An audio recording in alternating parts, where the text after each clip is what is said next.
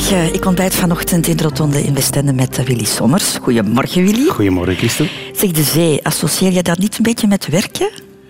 De zee, uh, inderdaad, voor mij uh, is de zee altijd de laatste jaren veel geassocieerd met werken. Als ik uh, naar zee kwam, naar Blankenbergen bijvoorbeeld, was het vooral voor de presentatie van het team om te zien. Mm -hmm. Uh, ik heb uh, afgelopen zomer ook enorm veel opgetreden aan zee. Uh, dat is niet elk jaar zo, maar dit jaar was dat heel, heel vreemd. Ik had een, uh, toch een vijftiental optredens aan zee. Mm -hmm. Dus dat was eigenlijk toch wel uh, merkwaardig dat ik dit jaar eigenlijk een ja. groot aantal dagen aan zee heb opgetreden. Ja, maar vandaag gaan we proberen te ontspannen. Willy, gaat dat jou lukken? Ja, ik denk het wel. Hè. Ja, als ik tijdens de vakantie een, een paar dagen vrij ben, dan uh, komen wij vaak met, met mijn, mijn vrouw en met de kinderen naar zee. Dus de zee geeft me echt rust. Ik ben graag aan zee. Radio 2. De Rotonde met Christel van Dijk. Aan de ontbijttafel vanochtend in de Rotonde in Westende Willy Sommers. Willy Sommers, uh, de Rotonde en de afslagen die een mens daar opneemt, de Rotonde van het leven, daar gaan wij het over hebben de komende twee uur.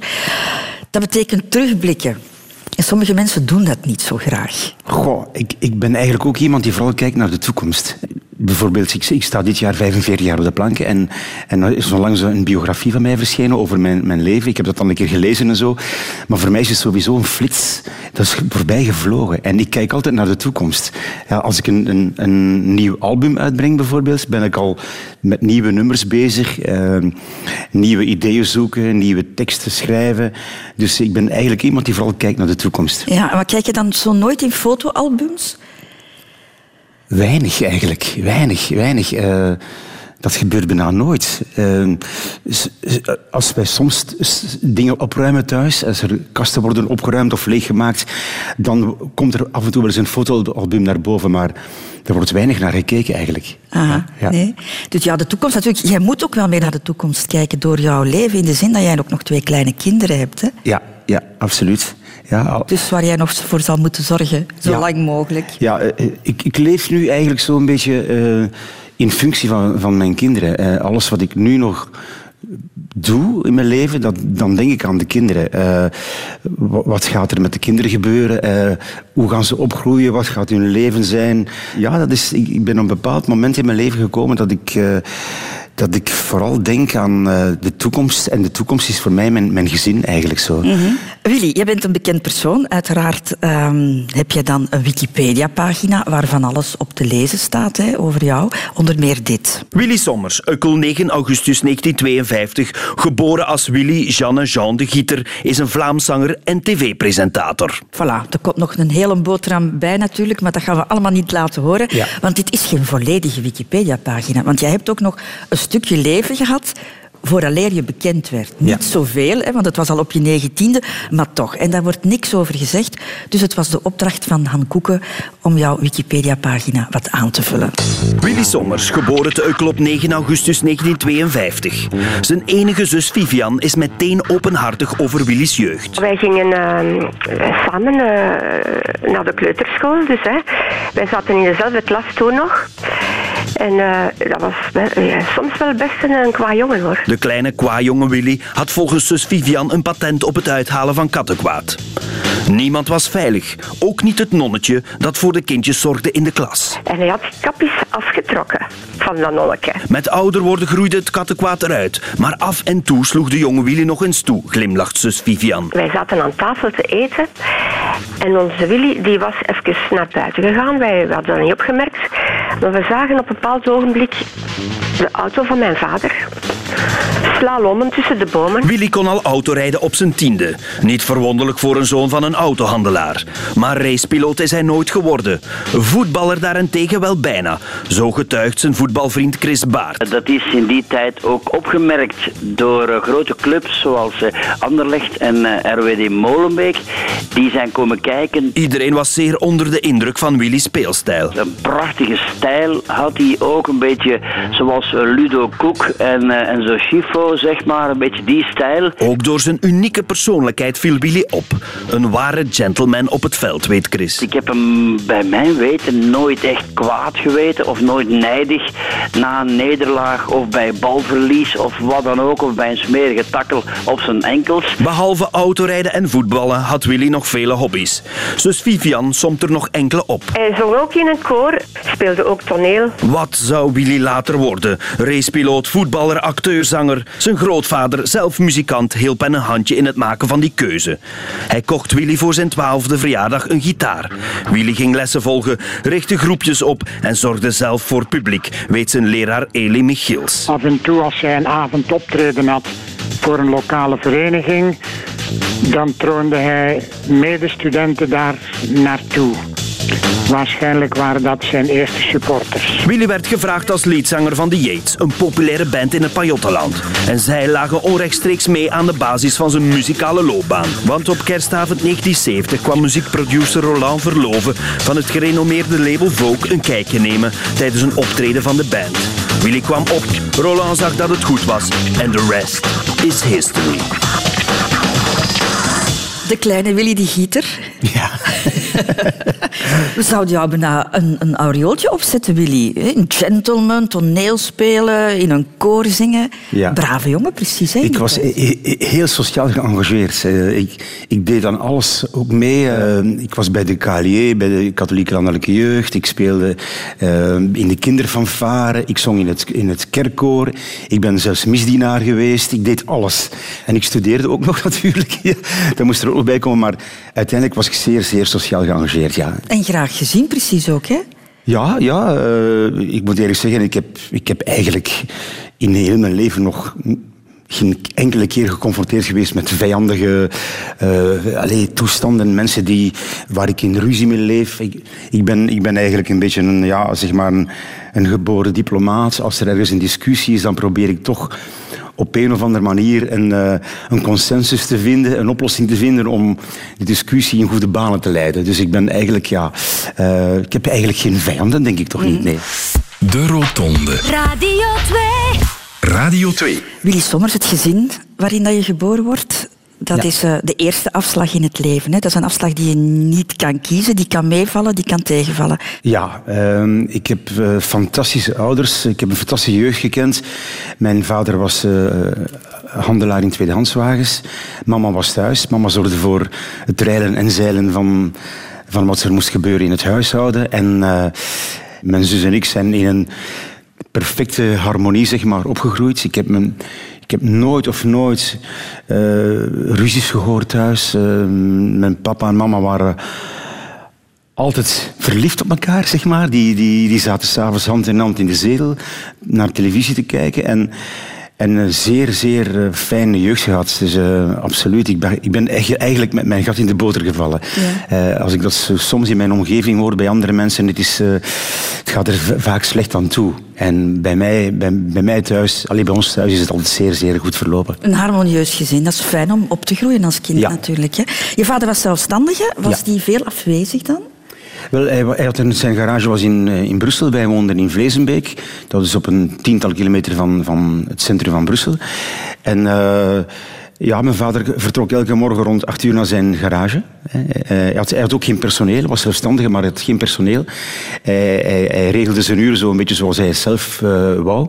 En rond zes uur s'avonds uh, kwam hij terug thuis. En zaten wij dus eh, eigenlijk al te wachten voor het raam om te zien naar huis komen en dan samen aan tafel te zitten. Dus, en, en vandaar heb ik ook zo'n beetje eh, van thuis uit het, het, eh, gevoel meegekregen van... Ja, als je centjes verdient, moet je zien dat je ze ook een beetje spaart. Want in, in, in, de, in eh, de verkoop van auto's waren, waren er goede en slechte maanden. En dat heb ik allemaal als kind opgevangen aan tafel tijdens ons eten samen. Van kijk, eh, deze maand is een minder goede maand, we moeten sparen voor volgende maand. En in die sfeer zo ben ik eh, eigenlijk een beetje opgegroeid. Voetjes op de grond houden, wat, wat er ook gebeurt in het leven, op, op financieel gebied of zo. Zien dat je altijd met je voet op de grond blijft. Dat is een, eh, een gouden raad van, van mijn ouders Ja, want eigenlijk wou jij de zaak verder zetten. Hè? Goh, ik was eigenlijk gek van auto's. Hè. Eh, Ik ging zeer graag mee naar de garage. Zaterdagmorgen mocht ik meestal meegaan. En dan eh, kon ik zo kijken naar die mooie blinkende wagens die mijn vader allemaal klaargemaakt had om, om te verkopen. En eh, ja, ik, eh, ja, ik was er echt gek van zo. En, en mijn, mijn droom als kind was toch van mijn vader zijn job te kunnen verder zetten. Maar mijn, mijn vader zei altijd van, kijk, Willy, dit is zo'n onzeker beroep.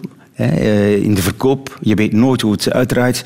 En ik zou toch maar eh, een ander beroep kiezen. Dan ben ik later zanger geworden. Nog het meest onzekere beroep dat er bestaat. Dus, ja. Ja, ja. Maar jij hebt dus geleerd om, om, om hard te werken ook. Is dat de reden dat jij zoveel optredens geeft? Ja, eh, dat is van thuis uit meegegeven. Ja. Eh, hard werken om, om tot ergens te komen in uw leven. Dat was zo'n beetje de leuze van hard werken. Mijn vader deed één keer per jaar, één week zijn garage dicht tijdens de zomer.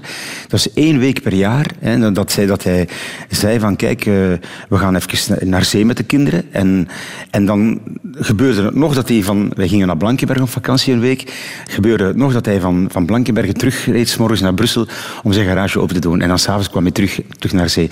Dus eigenlijk, ja, van thuis uit hard werken. Mijn, de vader van mijn moeder was een landbouwer. Hè. Hij was een, eh, een landbouwer, dus op het land werken, hard werken om toch iets te kunnen verdienen. Dus ja, ja in die sfeer ben ik wel opgegroeid. Mhm. Toen jij voor het beroep zanger koos, hè, onzeker beroep, financieel onzeker, beroep. dacht jij daar dan aan? Nee, want ik, ik, ik dacht van, eh, van eh, eh, zingen dat dat mijn hobby ging, worden of zijn.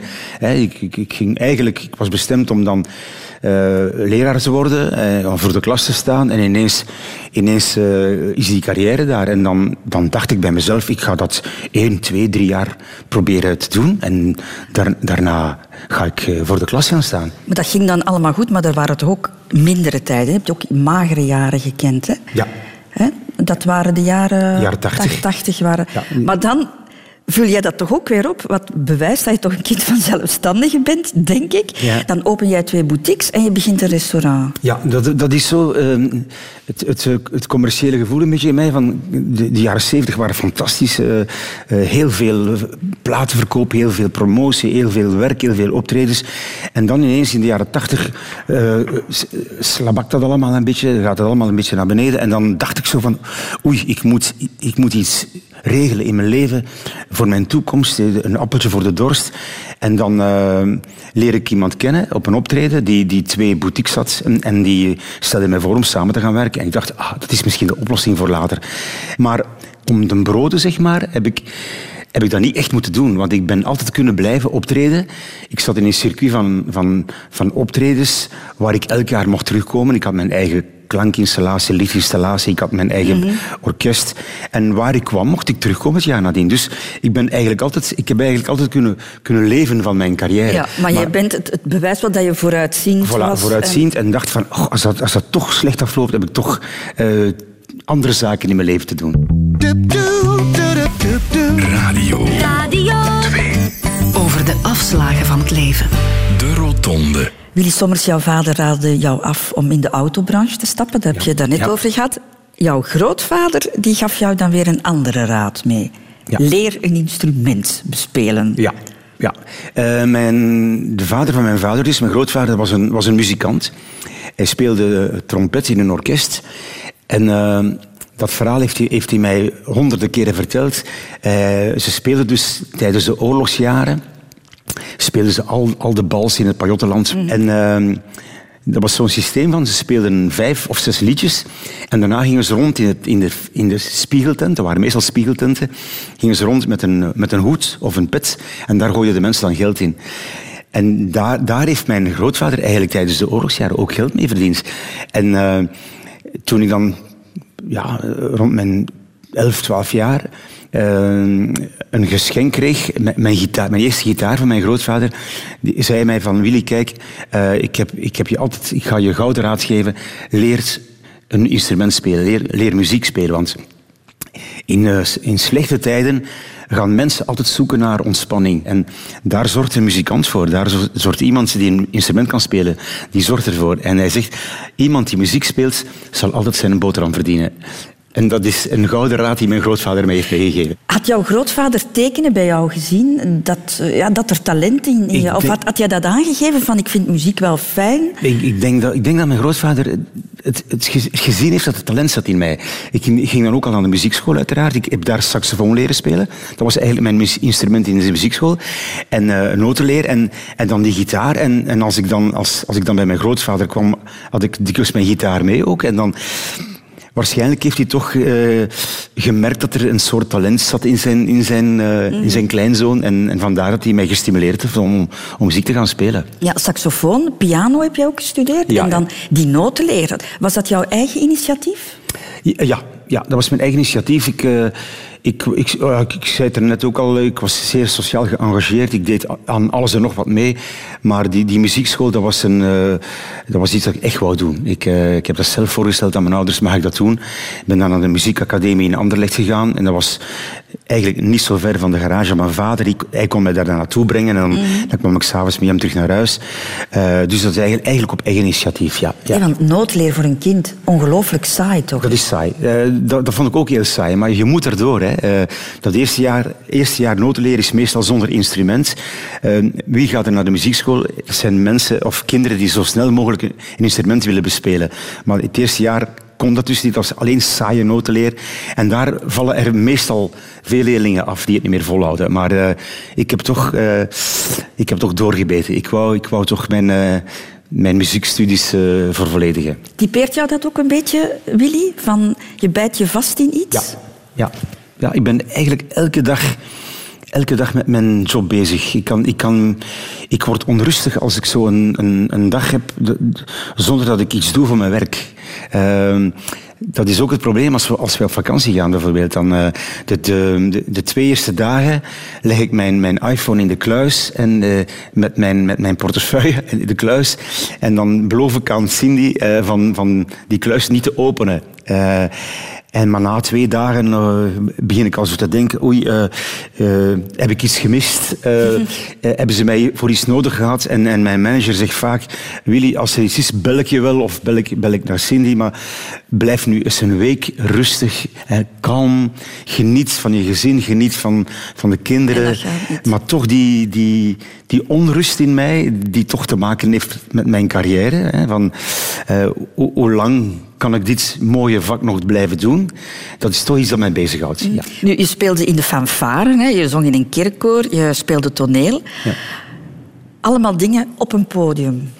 Waarbij je als persoon op de voorgrond treedt en applaus krijgt. Ja, Eh, ja toch wel. En, en, maar in mijn, privéleven ben ik zo niet. Eh, eh, bijvoorbeeld als ik ergens eh, ga, ga eten hè, met mijn vrouw en mijn kinderen, dan zoek ik meestal een, een, een rustig plaatsje in het restaurant waar ik niet te veel opval, waar ik zo ja, mezelf kan zijn en, en, en, en genieten van, van de situatie met mijn gezin. Als er ergens een, zaak is waar heel veel volk in zit, dan, ga ik daar ook niet binnen. Ik probeer altijd zo incognito mogelijk ergens te zijn. Daartegenover sta ik meestal, zoals u zegt, op een podium en voor, voor, voor een, een groot aantal mensen. En, en dan sta ik er wel. Dat is, ja, maar dat is een, een klik die, ik- die ik dan maak van ja, oké, ik, eh, ik sta hier en ik ga mijn, mijn ding doen. Op een podium ben ik, ben ik helemaal anders, want eh, Cindy zegt dat ook. Voor ik vertrek thuis, hè, zegt ze soms tegen mij, jij, jij, wordt, jij wordt nu Willy Sommers. Dat is heel raar, maar, ik besef dat zelf niet goed. Maar zij merkt dat dus wel. Ik- ik- thu- thuis ben ik een heel andere persoon dan, dan, dan, dan in mijn, op mijn werk, op, mijn, op een podium.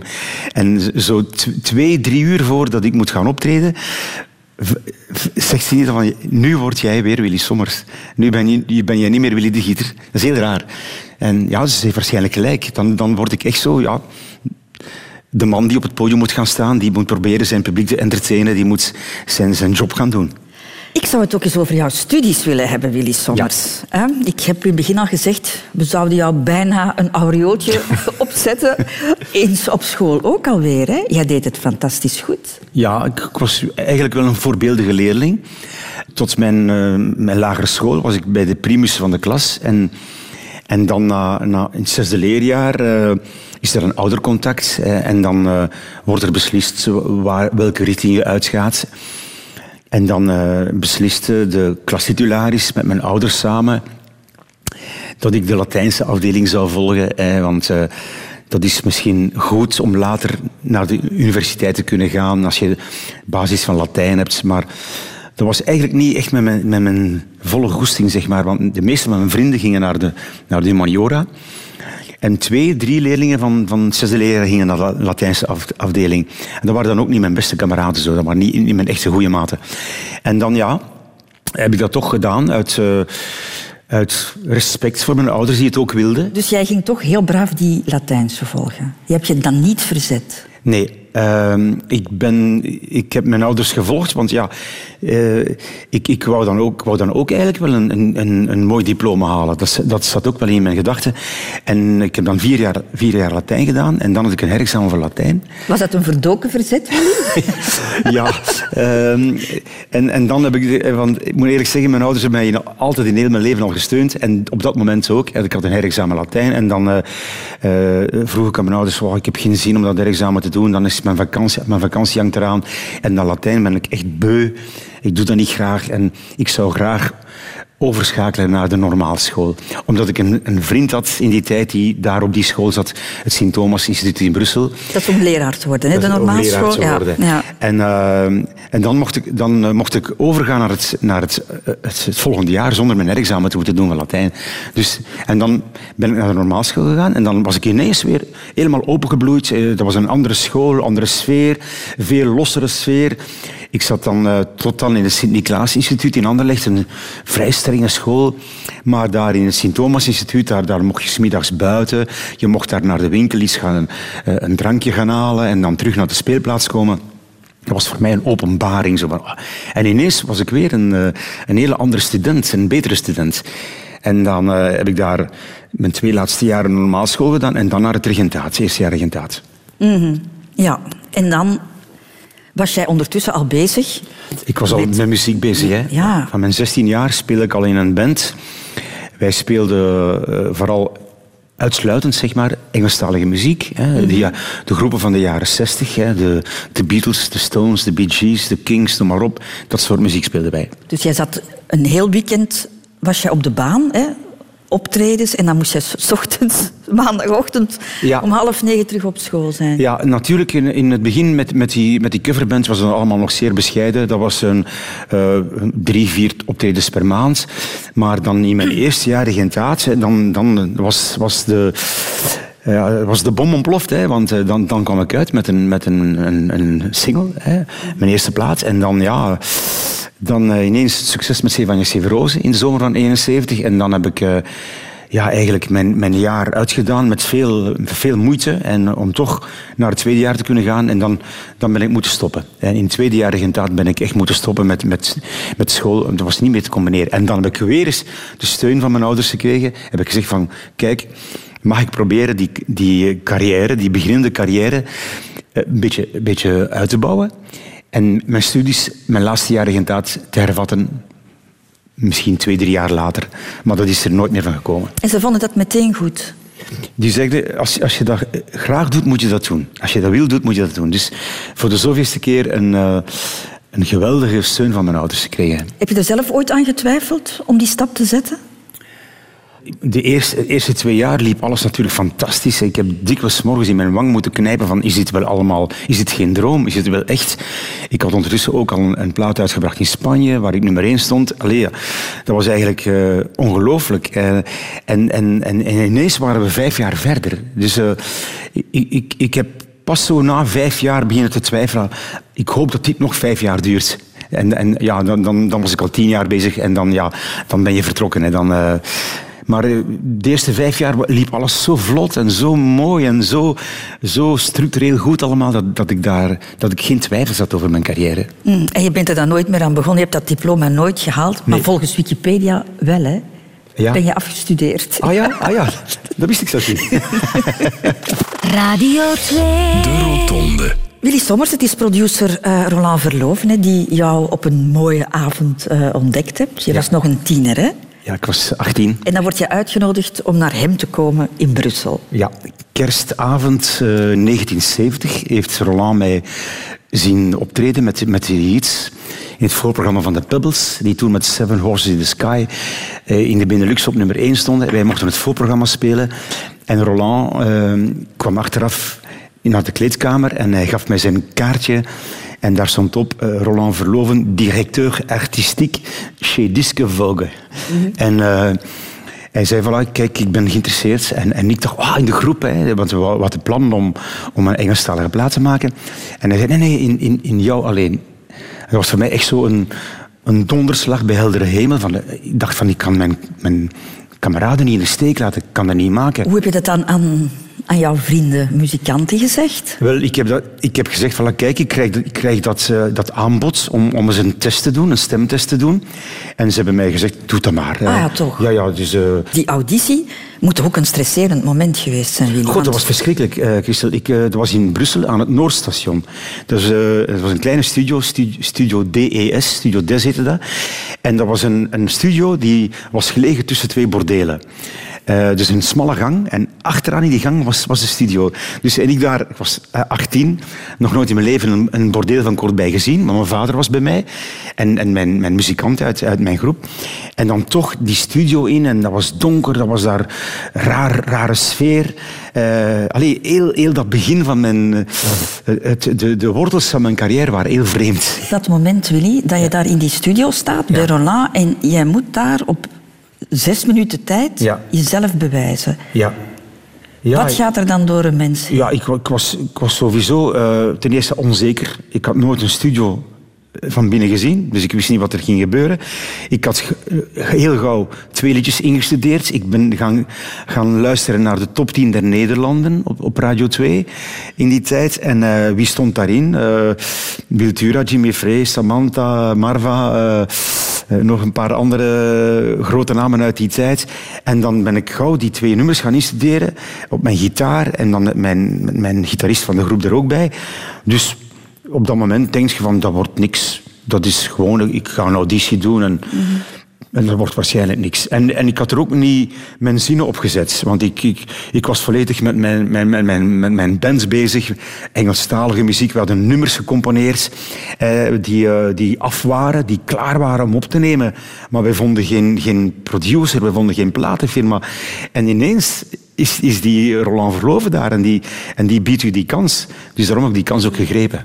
Vond je het moeilijk om dan over te schakelen naar het Nederlands? Want dat was niet echt jouw grote droom. Nee, eh, dat, was, dat was een, een, een, ja, een zware zet voor mij, inderdaad.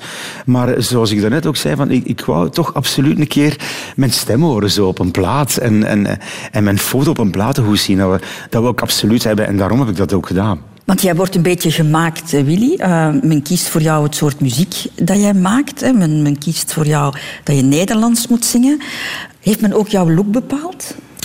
Eh, nee, mijn look had ik. Eh, ik, ik, had, ik had lang haar, eh, ik was modern gekleed en zo. En, en dat is ook de reden waarom Roland Verloven eigenlijk een beetje eh, een beeld had van, in mij van ik, ik ga daar iets mee doen met, met die jongen.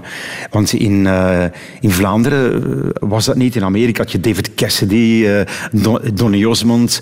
In, in, in Engeland Cliff Richard. ja, en, en dat waren, dat waren tieneridolen. En, en in Vlaanderen was dat eigenlijk niet. En, en dan eh, door, mijn, door mijn looks uit die tijd paste die perfect in het beeld dat ze, waar ze met mij wilden verder gaan. Heeft men dat vooraf aan jou gezegd? We maken van jou een tieneridool, een nee, meisjesidool? nee, nee, nee, nee, nee, dat, is, dat is eigenlijk... ge- Daar is de, de, de, media eigenlijk de schuld van. De, de, de, de, bla, de tienerbladen, zeg maar. Hè, die ineens... eh, kom ik op covers van, van, van, van, van tienerbladen uit, die- uit die periode. En eh, wordt er geschreven, nieuw tieneridool. eh, Willy Sommers. En met, met een, een mooie foto erbij. En ja, dat was helemaal de bedoeling van mij om, om, om een tieneridool te worden. Ik wou gewoon zingen. Ik wou gewoon ehm, van mijn hobby proberen een beetje mijn beroep te maken. Maar, maar ik werd echt geprofileerd door de, door de media als tieneridool. Maar dus ja, jij, jij wordt dan ongelooflijk eh, populair. En dat, dat waren hysterische toestanden, hè, Ja. bij wijlen. Hè? Mijn grote beschermer was toen mijn twee vaders. Mijn vader en Roland Verloven. Ik noem Roland Verloven altijd mijn tweede vader. Mijn muzikale vader. Omdat hij eh, in die tijd bestond er absoluut geen management, geen coaching, geen styling. Dat bestond niet. Je moest alles zelf doen. En eh, Roland heeft zich echt over mij ontfermd als eh, manager, maar dat, dat was eigenlijk meer mijn, mijn producer. Hè. Roland maakte mijn producties, schreef mijn muziek, teksten, arrangementen, productie in de studio. Dus Roland was eigenlijk mijn, mijn, eh, mijn, ja, mijn tweede muzika mijn muzikale vader. En Roland en mijn vader hebben mij eigenlijk heel, heel begin van mijn carrière echt beschermd. Als ik ergens toekwam op de televisie of noem maar op, op een optreden, was er een massa jonge meisjes die, die eigenlijk eh, rond mij kwamen en, eh, en eh, handtekeningen en, en haarlok wilden afknippen van mijn haar en toestanden. Dus ja, dat was een hysterische, hysterische toestand. Dat had je niet verwacht. Dat- Nee, Daar had men helemaal jou ook niet voor gewaarschuwd. Nee, nee, nee, nee, nee. ik heb me daar echt moeten serieus ja, aan aan aanpassen. Ja. Aanpassen. echt. Ja, absoluut. Ja, want ineens ben je van een onbekende student, ben je ineens een, een, een bekende zanger. En dat is een, een, een hele grote omschakeling. Dat is, je moet daar echt een beetje aan gewoon worden. En vond je dat leuk?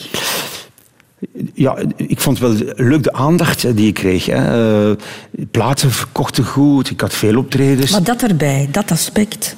Ja, dat stoorde mij niet. Nee, Ik kon me er gerust in vinden. Ja, ja, ja. ja, ja, ja. De liefde, Willy Sommers. Je bent tot je 33ste thuis blijven wonen. Ja. Ik vind dat heel lang. Heel lang. Eh, al mijn vrienden vonden dat ook. Allee, waarom woont je zo lang thuis? En, maar ja, ik, ik, had, ik heb het altijd druk gehad in al die jaren. Hè. En, en dan thuiskomen bij, bij Hotel Mama, zeg maar, eh, waar alles, altijd alles eh pikfijn in orde is, alles geregeld is. Maar ja, maar je leefde toch niet als een pater in die jaren? Er waren toch vrouwen in Ja, ja ik had, ik had, ik had een, eh, in die ja, loop der jaren een aantal vriendinnen. Dus. En eh, daar waren, waren, waren mijn, ou- mijn ouders ook zeer open in. Hè. Als ik een, een vriendin had, die mocht gerust bij ons thuis komen slapen. Die mocht daar meten aan tafel. Maar iedere keer zei, zei mijn moeder toch, eh, gemeen, gemeen het toch wel serieus. Want anders moet ze niet naar hier komen. Dus, dus, er werden nog altijd strikte regels gezegd van... eh, Het moet, moet correct gebeuren. Was jij de man van de lange relaties, Willy? Ja, ja. Ik heb in, in heel mijn leven altijd lange relaties gehad. Allee, lang. eh, eh, de kortste relaties heeft misschien drie of vier jaar geduurd. Maar de rest altijd vier, vijf, zes jaar. Ja. Mhm. Een aantal vrouwen ook die je moest verstoppen, hè?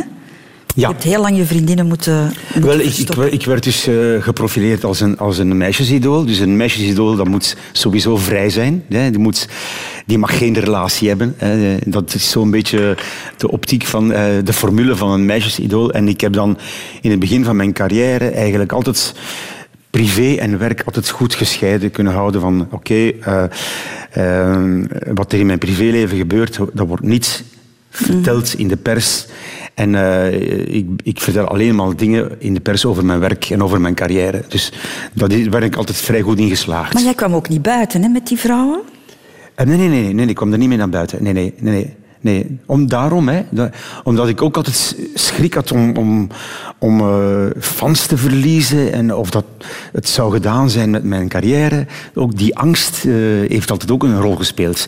Van oei, als, als ik met een, een vaste vriendin eh, naar buiten kom, dan, dan, ja, dan is het gedaan met mijn carrière. En maakte jij daar met die vrouwen afspraken over van in het begin? Ja, ja. Ja, dat was een afspraak en die ging daarmee akkoord.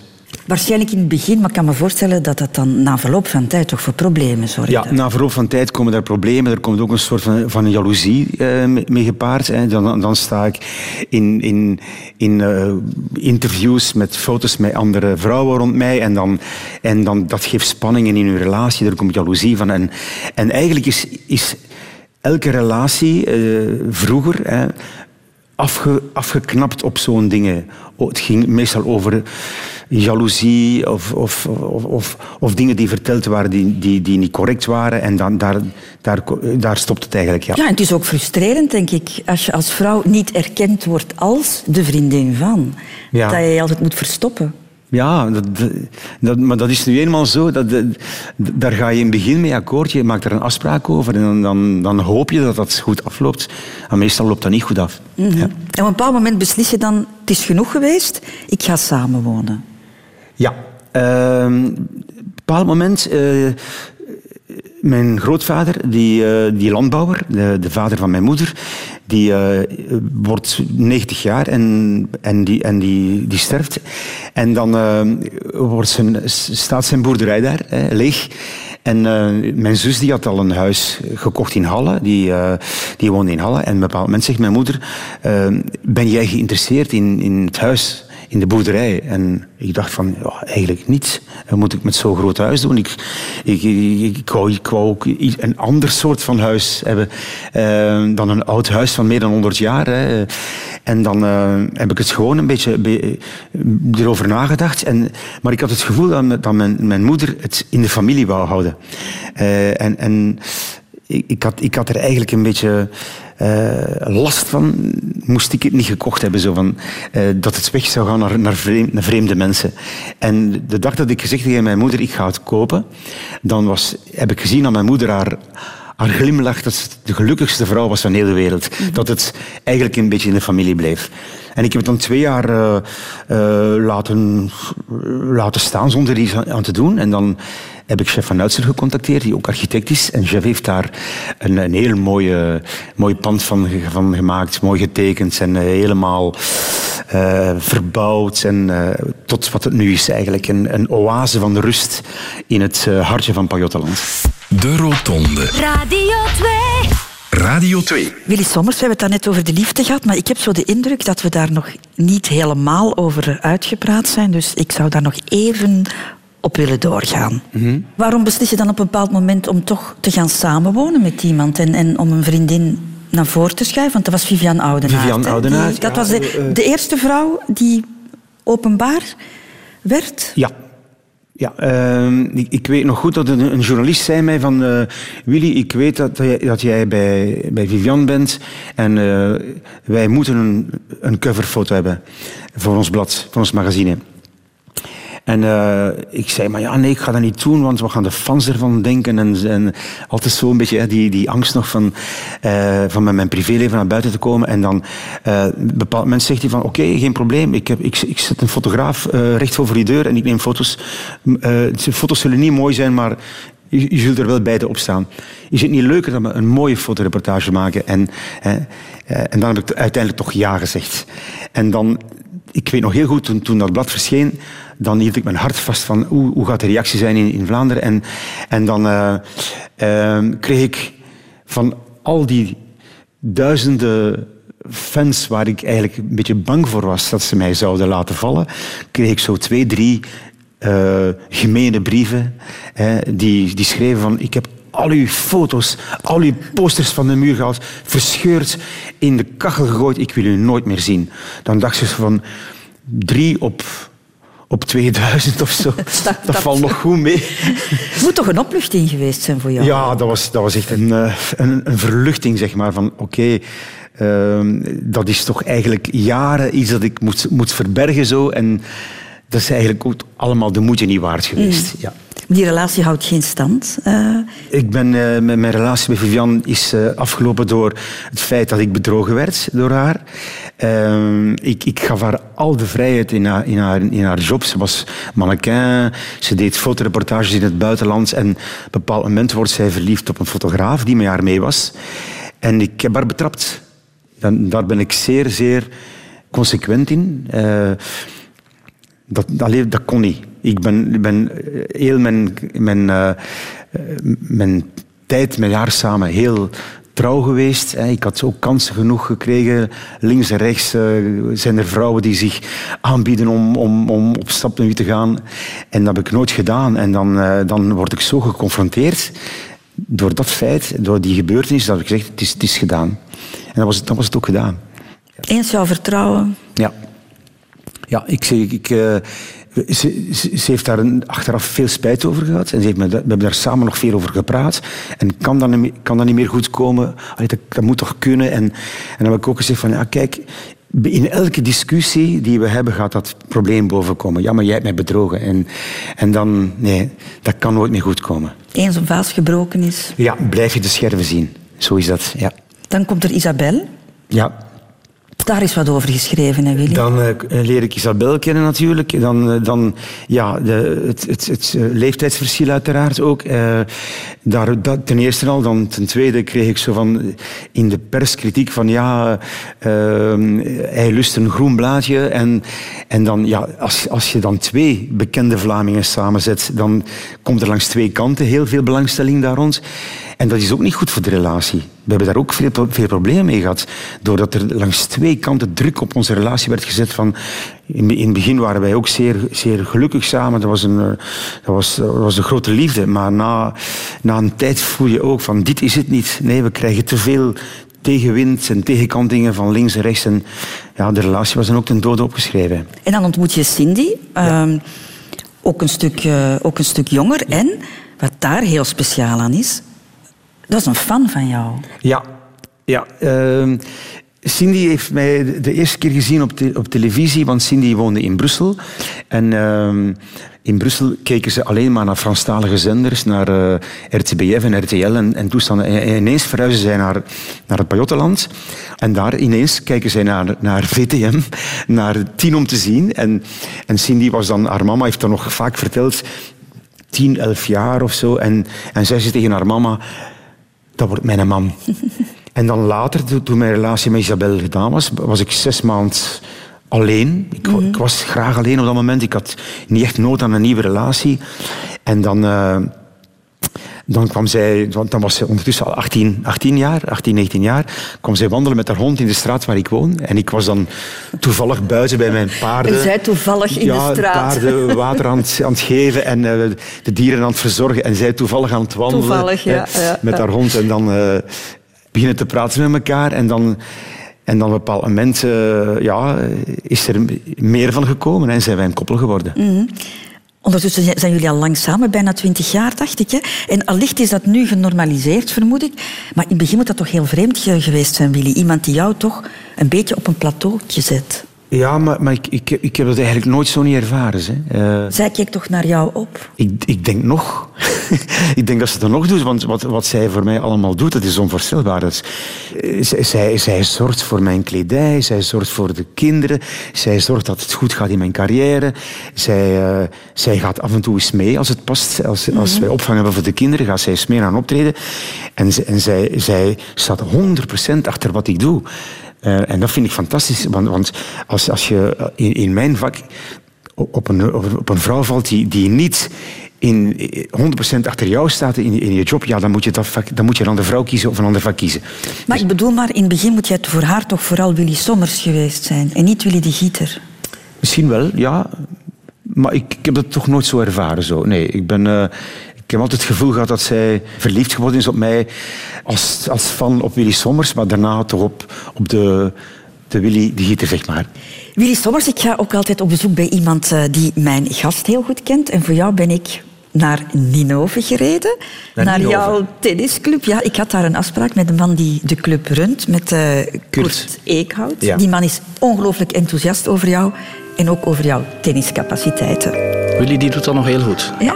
Ja, die is, eh, zoals op het podium denk ik, die is gedreven. Die, die wil altijd gaan, die gaat voor te winnen. Die, die is op het tennisterrein zoals hij op zijn podium staat. Een competitiebeest. Zeker en vast, zeker Ja? en vast. Ja, ja. En, en kan niet tegen zijn verlies? Valt mee. Hij durft zegt tegen zichzelf wel eens eh, een vloek eruit te gooien, denk ik. En even boos te zijn, maar hij kan zeker tegen zijn verlies. Ja. Wat draagt hij op het veld? Hij is altijd perfect uitgedost. Willy die heeft, eh, die is altijd eh, piekfijn in orde. Zijn debarduiken erover. eh, tijdens een match kan hij een keer of 50 zijn kraagje zo goed leggen. Hij wil er altijd goed uitzien. Zelfs zijn kraagje goed leggen. ja, ja, ja, dat doet hij heel regelmatig. Even recht zetten in de hals, dan weer zo een beetje, een beetje mooi leggen. Ja, hij wil er goed uitzien, denk ik. Dat is bijna een tik nerveus misschien, dat kolletje. Op het podium doet hij dat ook regelmatig, zo heb ik al, eh, heb ik al gezien. Ah, ga je ook... eh, We gaan af en toe eh, met de mensen van de club hier naar Willy gaan kijken. Ja. En dat doet hem heel veel plezier, denk ik. Brengt hij zijn kinderen soms ook mee? Ja, de Luna en Luca die zijn regelmatig bij hem, ja. Af en toe heeft Willy het geluk dat hij met Luca hier huiswerk zit te maken. De Luca, dat is een speelvogel. En dan durft Willy zo wel een keer even een, op zijn plaats moeten zetten. Ja, ja. Ah, hier wordt ook huiswerk gemaakt. Hier wordt huiswerk gemaakt, ja. En als het huiswerk klaar is, dan eh, kan Willy soms nog een keer de voetbalschoenen aantrekken om met Luca gaan wat te shotten of uh, hierachter in het zaaltje wat pingpong te spelen. Ja, een beetje een, een, een, tweede living eigenlijk hier. Ik denk dat dat hier wel een klein beetje zijn tweede thuis is. Ja, ja? Willy, ik denk het wel. Ik, ik heb hem dat nog nooit durven vragen en... Maar ik denk, ik ben vast zeker dat hij hier zeer graag komt. Mm, jullie zijn blijkbaar wel heel goede vrienden, hè? Maar ik ken ondertussen Willy toch wel al tamelijk goed. En hij weet wel ook wat dat hij aan mij heeft, denk ik. Ja, ja. Praten jullie ook over persoonlijke dingen? Dat kan eens gebeuren, ja. Af en toe. Waarom niet? Ja. Mm -hmm. Willy is hier Willy en Willy is niet Willy Sommers hier. Hij is een heel gecontroleerde man, denk ik. Hij is uh, heel fier op zichzelf. Er zal geen gram, er zal geen gram vet bij komen. Nee, hij is, heel, hij is ijdel ook. Hè. Maar hij mag, hè. Op zijn 64 ziet hij er nog picobello uit. Ik denk dat er veel mannen hier zijn die met hem tennissen zelfs, die even oud of zelfs jonger zijn, die er wel zouden willen uitzien zoals Willy. Heb je al met hem in de douche staan? Ja, toch wel. En dat ziet er allemaal nog goed uit. Dat ziet er pikfijn in orde uit. Ik denk dat er veel mannen nog jaloers zouden kunnen op zijn. En ondertussen fluit de papegaai. Ja. Ik heb ook gehoord dat jij de papegaai uh, laat de zon in je hart. Ja, iedere keer als ik ga betalen aan de kassa, ga ik naar de kooi en fluit ik. En hij begint dat te kennen. Is het waar? Ja, ja, begint te kennen, ja. Uh -huh. ja. Maar je wordt hier wel beschreven als iemand die ervoor gaat alweer, hè, Willy? Uh... Ja, ja uh, zelfs in mijn tennis. Hè. Dus voor, voor mij is het... Ik ga um, twee of drie keer per week tennis. Dus, en iedere keer wil ik toch...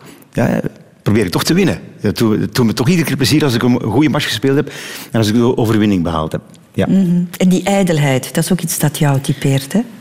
Ja, um, ja ik, ik weet, ik, ik loop altijd in, in het zicht van iedereen en ik wil, als ik buiten kom, wil ik er, wil ik er goed uitzien. Hè. Uh, na elke match douche ik mij, droog ik mijn haar en, uh, en uh, ja, ik, ik, ik, probeer er toch altijd goed uit te zien. Ja. Mm. Want soms zijn er ook mensen die in een tennisclub komen die daar gewoon iets komen eten, die daar, niet, die daar geen tennis spelen en die, die zien me daar dan ook. En ja, ik wil toch altijd allee, een, een goede indruk achterlaten. Maar mocht je nu niet bekend zijn, zou je er dan minder aandacht aan besteden? Ik denk het wel. Ja, want, want als, ik, als, ik thuis, als ik thuis in mijn, in mijn om in mijn terreintje zeg maar, loop in mijn uh, tuin en uh, op mijn terras, dan kan ik even goed uh, in een flodder t-shirt rondlopen en in een zwembroek. dus maar eens ik buiten kom, straat op zeg maar, dan zorg ik ervoor dat ik toch altijd er goed voorkom. Radio 2. De Rotonde. Kinderen Willy Sommers? Dat is een beetje een complexer verhaal. Je hebt twee kinderen bij Cindy. Je hebt één dochter uit jouw relatie met Truus. Ja. Lang uh, de geheime dochter geweest. Daar gaan we het uh, ook over hebben natuurlijk. Mm -hmm. Maar sinds wanneer weet jij, Willy, ik wil wel kinderen in mijn leven? Wel, ik, ik weet dat sinds ik mij goed en veilig voelde in mijn relatie. Sinds dan uh, had ik het gevoel van, ja, ik, ik, ik wil, een, ik wil een, een kind hè, met, met de vrouw waar ik mee leef. Dus dat, uh, dat is ja, nu uh, ondertussen 14 jaar geleden. 14 jaar geleden. Ik ben, ik ben 19 jaar met, met Cindy samen. En op een bepaald moment heeft Cindy er ook op aangedrongen. Zo van, ik, ik, ik werd dan 50 jaar. Mm -hmm. En uh, toen zei ze van, ja, ik, ik, wil, ik wil absoluut een kindje hebben met u samen. En, en ik, dan kwam de vraag bij mijzelf op, ben ik daar niet te oud voor? of heb ik daar tijd voor. Want die, die, die carrière neemt zodanig veel tijd in beslag dat ik misschien niet genoeg aandacht kan hebben voor een kind. Was het feit dat je eigenlijk al een dochter had hm? ook een beetje een reden van die, die ongerustheid, die angst? Ja, maar, maar dat, was een andere situatie. Hè. Dus, uh, uh, Annemie, hè, de, do de, dochter die met, met Ruus heb, die heb ik dus 18, 18 jaar niet gezien. Dus ik wist niet wat, wat dat was, een, een kind hebben eigenlijk. Dus voor mij was dat, was dat nu de eerste confrontatie met, met de vrouw waar ik mee leef en een kind daarbij. Dat was voor, dat voor mij dat was een nieuwe situatie voor mij. Mm -hmm. ja. Want jij en Truus uh, zijn een hele tijd samen geweest, maar die relatie was afgesprongen ja. toen ze zwanger was. Ja, ja. Ja, um, dat, was een relatie die, dat was een relatie met ups en downs. En, en ik had ook het gevoel, en zij ook waarschijnlijk, dat het nooit echt iets definitief zou kunnen worden. En uh, we waren te, veel verschillend van, van ideeën en er kwam ook al jaloezie bij te pas over fans en, en toestanden. En, en dan een bepaald moment uh, eh, is, is Truus zwanger. En dan hebben, hebben wij een, een overeenkomst gemaakt van kijk, wij, wij zijn niet echt gemaakt om samen te leven. Laat ons het beste voor het kind eh, zorgen. En ik heb gezegd, ik ga, ik ga zorgen voor de financiële kant en zij voor de, voor de opvoeding van het kind. En we zijn daar zo overeengekomen. En we hebben dat 18 jaar lang gedaan. En jij hebt haar eigenlijk nooit gezien? Ik heb haar 18 jaar? één keer gezien. Ehm, ik moest een optreden doen in de buurt van Gerasbergen in een soort van eh, recreatiepark. En er waren allemaal kindjes die achter handtekeningen kwamen. En ik stond zo eh, midden op een klein podiumke en er stonden allemaal kindjes. En ineens zei een van die kindjes, nou, dat schijnt ben jij mijn papa. En ineens was dat, was dat kindje weer weg. Dus ik, ik heb haar niet echt kunnen, kunnen zien en, en, en ontmoeten. En, eh, maar dat, dat herinner ik me nog heel goed. Hm, Ook de geboorte heb jij dan niet meegemaakt? Nee, ik heb, ik heb, kort na de geboorte heb, heb het kindje even kunnen zien, ja. Toen, toen, eh, toen, toen eh, zij niet meer in het ziekenhuis was, eigenlijk. Dus eh, heb ik het kunnen zien. Ja, En jij vond dat de beste oplossing om het zo ja strikt want wij waren, waren niet, we waren niet gemaakt om, om samen te leven.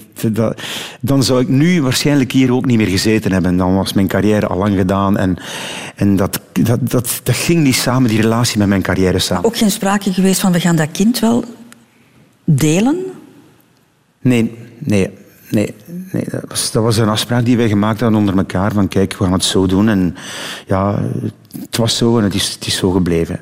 Ja. Was dat een moeilijke beslissing? Eh, dat is een van de moeilijkste beslissingen in mijn leven geweest, sowieso. Eh, dat is een keuze die ik op dat moment gemaakt heb van... eh, is dat goed, is dat slecht? Het is wat het is. Ja, het, is, het was nu eenmaal zo. En dan is natuurlijk... In al die jaren is er ook niemand in geen enkel interview die mij daarnaar gevraagd heeft. Want ze zeggen vaak van, waarom heb je dat niet vroeger gezegd? Dan zeg ik, ja, maar men heeft mij niet gevraagd. Ik heb nooit ontkend dat ik een kind had. Maar ze vroegen, ze vroegen er niet achter. Dus eh, allee, eh, ik moet er zelf niet over beginnen als, als, als, als er bij mij niet naar gevraagd wordt. Dus dat was mijn privéleven. En ik denk dat heel veel journalisten dat wel wisten. Maar dat ze zeggen, oké, dat behoort tot zijn privésfeer. Dat zijn onze zaken niet. Is dat niet raar, Willy? Zo weten dat er een dochter van jou rondloopt? Ja, en ik, ik heb altijd gedacht van één, één van deze dagen staat hij gewoon aan mijn deur. Wilt hij, haar papa ontmoeten? Heb ik altijd gedacht. Eh, In, in, heel, mijn, in heel, heel die tijd eigenlijk. Hè. Heel die, al die jaren. Eh, maar dat is nooit gebeurd.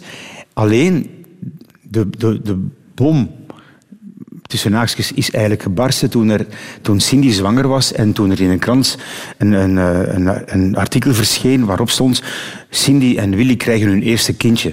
Dat was ook waar. Maar daar is natuurlijk eh, de mama van Annemie eh, op haar achterste poten gaan staan en gezegd van ja, maar hij heeft al een kind. En dan is de pers erop gesprongen en ja, Willy Sommers heeft een, een, een eh, geheime dochter. En ik heb gezegd, oké, ik, ik heb geen geheime dochter, ik heb een dochter. En, en ik wil haar zo snel mogelijk zien, heb ik gezegd ook.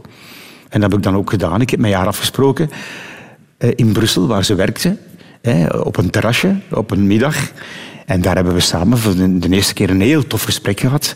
En eh, ja, van, vanaf dan, vanaf haar achttiende jaar, is, is, is dat een deel van ons gezin geworden. Je bent nu zoveel ouder en zoveel wijzer waarschijnlijk ook, Ja. Willy. Mocht je nu de klok eh, kunnen terugdraaien, zou je dan dezelfde beslissing nemen?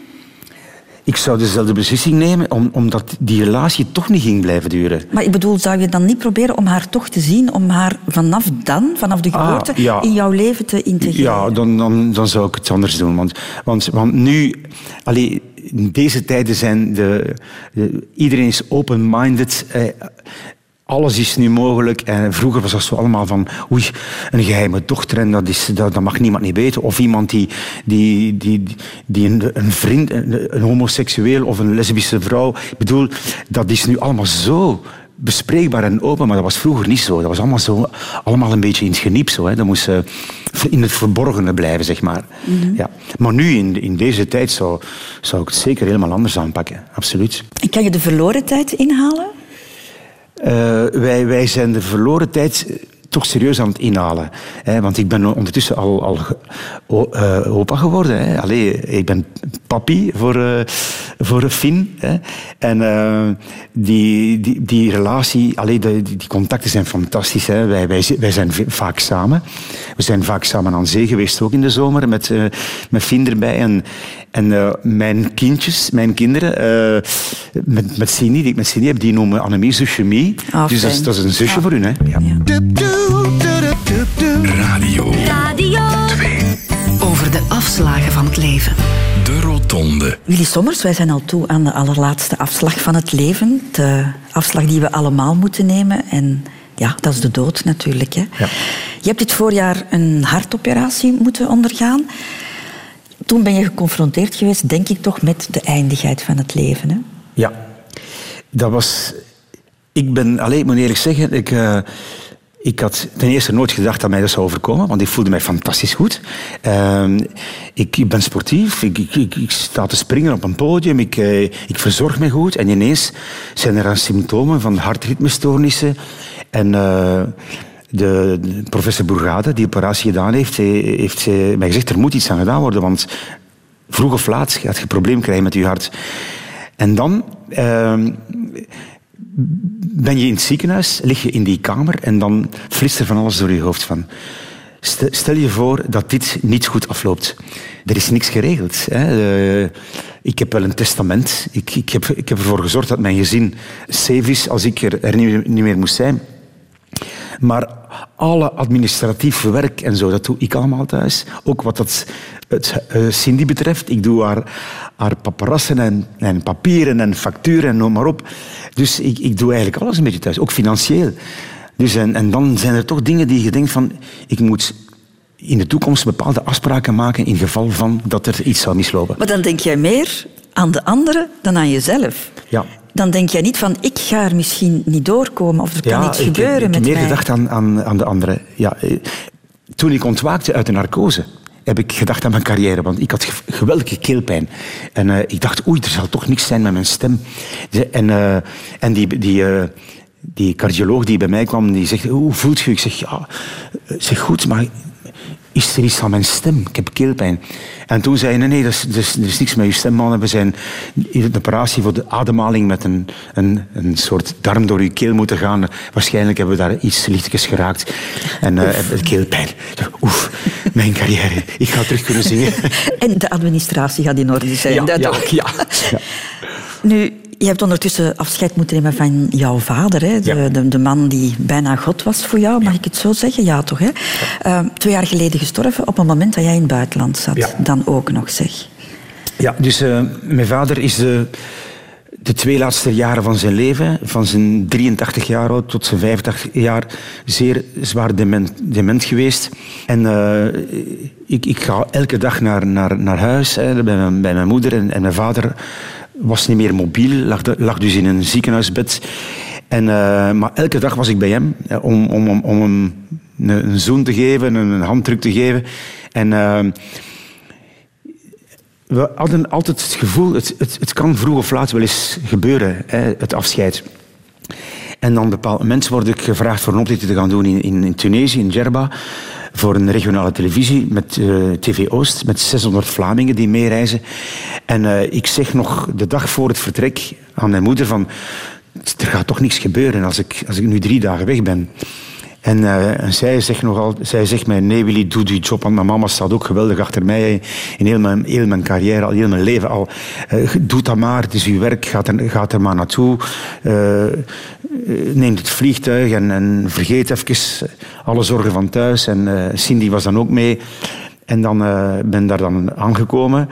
En eh, de tweede dag, s morgens vroeg om acht uur, krijg ik telefoon van mijn zus, die thuis was in de huiskamer van mijn ouders. En zegt ze, "Pa- papa is stervende.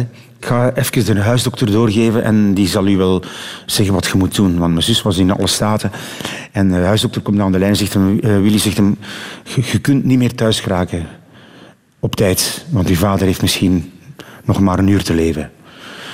Ja, ik was daar aan de grond genageld. Ik ik ben in tranen uitgebarst. En, en ik zeg, ja, maar ik, kan- ik naar huis komen? Hij zegt, nee, doe het, doe het als je kunt. Zeg, Doe het vanavond gewoon, je job. En eh, toen heb ik zo ineens een, een klik kunnen maken. Zo van, ik ga, van, ik ga vanavond zingen. Ik ga dat doen uit, uit eerbetoon van mijn vader. Want mijn vader zou het zo gewild hebben. Hij was altijd zo fier en zo trots als, als ik succes had. Als ik, uh, als ik een gouden plaat kreeg of als ik uh, een, een, een, succesvol optreden had gedaan, zat hem naast mij in de auto, want hij was altijd was mijn schaduw.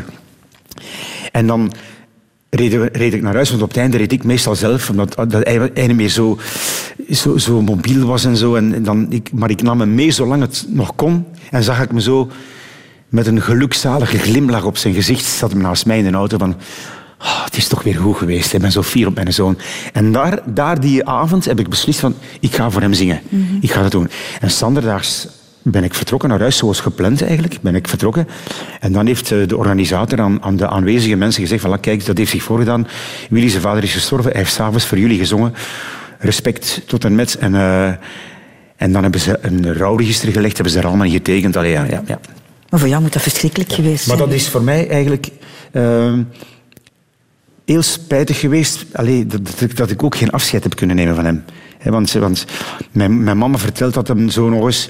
Uh, de, de, de laatste minuten heeft, heeft hem nog zo gekeken naar foto's die er hangen, zo in de huiskamer, van, van, van, van de kinderen, van, van, uh, van, van mijn mama, van, van Cindy, van, van Luna, Lu, Luca, uh, Annemie en zo. En, en, en dat heeft hij nog gekeken naar de foto's en dat hem dan ingeslapen is.